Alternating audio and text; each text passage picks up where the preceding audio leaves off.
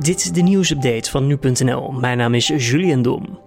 De spoedwet die het kabinet maakt over de avondklok wordt waarschijnlijk vandaag al ingediend bij de Tweede Kamer.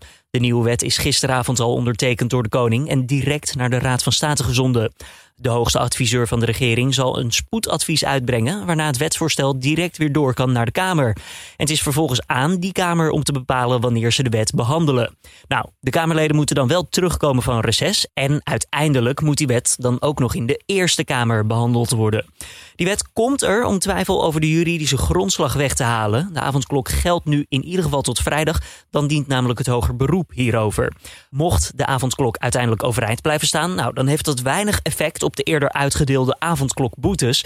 Maar mocht die avondklok wel komen te vervallen, dan wordt het interessant wat betreft die boetes. Dat vertelt hoogleraar Algemene Rechtswetenschappen Jan Brouwer bij Op 1. Dan blijven de boetes sowieso overeind. Als die avondklok onderuit gaat aanstaande vrijdag, dan is het de vraag: per wanneer gaat die avondklok onderuit? Per ingang van vrijdag of is die van mede aan?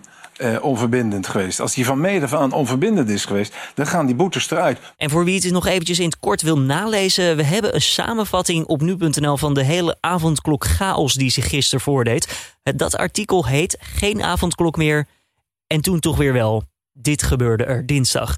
Check het eventjes op de site of in de app of via de link in de beschrijving van deze podcast. De Amerikaanse oud-president Donald Trump heeft dinsdag hard uitgehaald naar de Republikeinse fractieleider in de Senaat, Mitch McConnell. Die stemde zaterdag tegen een veroordeling van Trump in diens tweede impeachmentproces, maar veroordeelde hem nadien fel en hield hem moreel verantwoordelijk voor de bestorming van het Capitool. Volgens Trump zal de Republikeinse partij nooit meer gerespecteerd of sterk zijn met McConnell in een leiderschapspositie.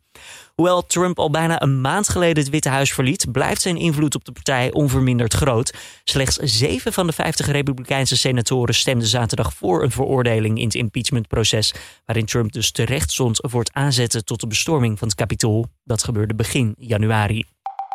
Zeker 21 mensen zijn omgekomen als gevolg van het extreme winterweer in de VS. In Texas zitten nog miljoenen huishoudens zonder stroom. De autoriteiten doen hun best, maar ze kunnen niet beloven dat alles de komende dagen weer zal werken zoals het zou moeten. De winterse storm die sinds dinsdag over het zuidoosten van het land raast, brengt lagere temperaturen dan in Alaska met zich mee. Zo was het in Nebraska 35 graden onder nul, Celsius wel te verstaan, en in Texas werd min 17 gemeten. Het extreme weer houdt nog zeker aan tot en met vrijdag. Vrijwel alle politieke partijen schuiven op naar links. Het politieke centrum is daardoor minder leeg dan bij voorgaande verkiezingen. Dat blijkt uit het kieskompas waar Trouw over schrijft. Voor de verlinksing en de bijbehorende waardering voor een sterke rol van de overheid is voornamelijk de coronacrisis verantwoordelijk. Maar de trend dat partijen linkser worden of minder rechts is al langer gaande, stelt André Krauwel, politicoloog aan de Vrije Universiteit en bedenker van het kieskompas. Ri Sol-ju, de vrouw van de Noord-Koreaanse leider Kim Jong-un is vandaag voor het eerst in ruim een jaar weer in het openbaar verschenen. Er werden foto's van een concert dat de vrouw bijwoonde gepubliceerd in de staatskrant. Kims vrouw verschijnt normaal gesproken regelmatig aan zijn zijde bij belangrijke evenementen, maar sinds vorig jaar januari was hij niet meer gezien. Er volgden toen speculaties over haar gezondheid of een mogelijke zwangerschap. Over zwangerschap gesproken. Nou, volgens de Zuid-Koreaanse inlichtingendienst heeft het stel wel al drie kinderen, al is daarover nauwelijks iets bekend.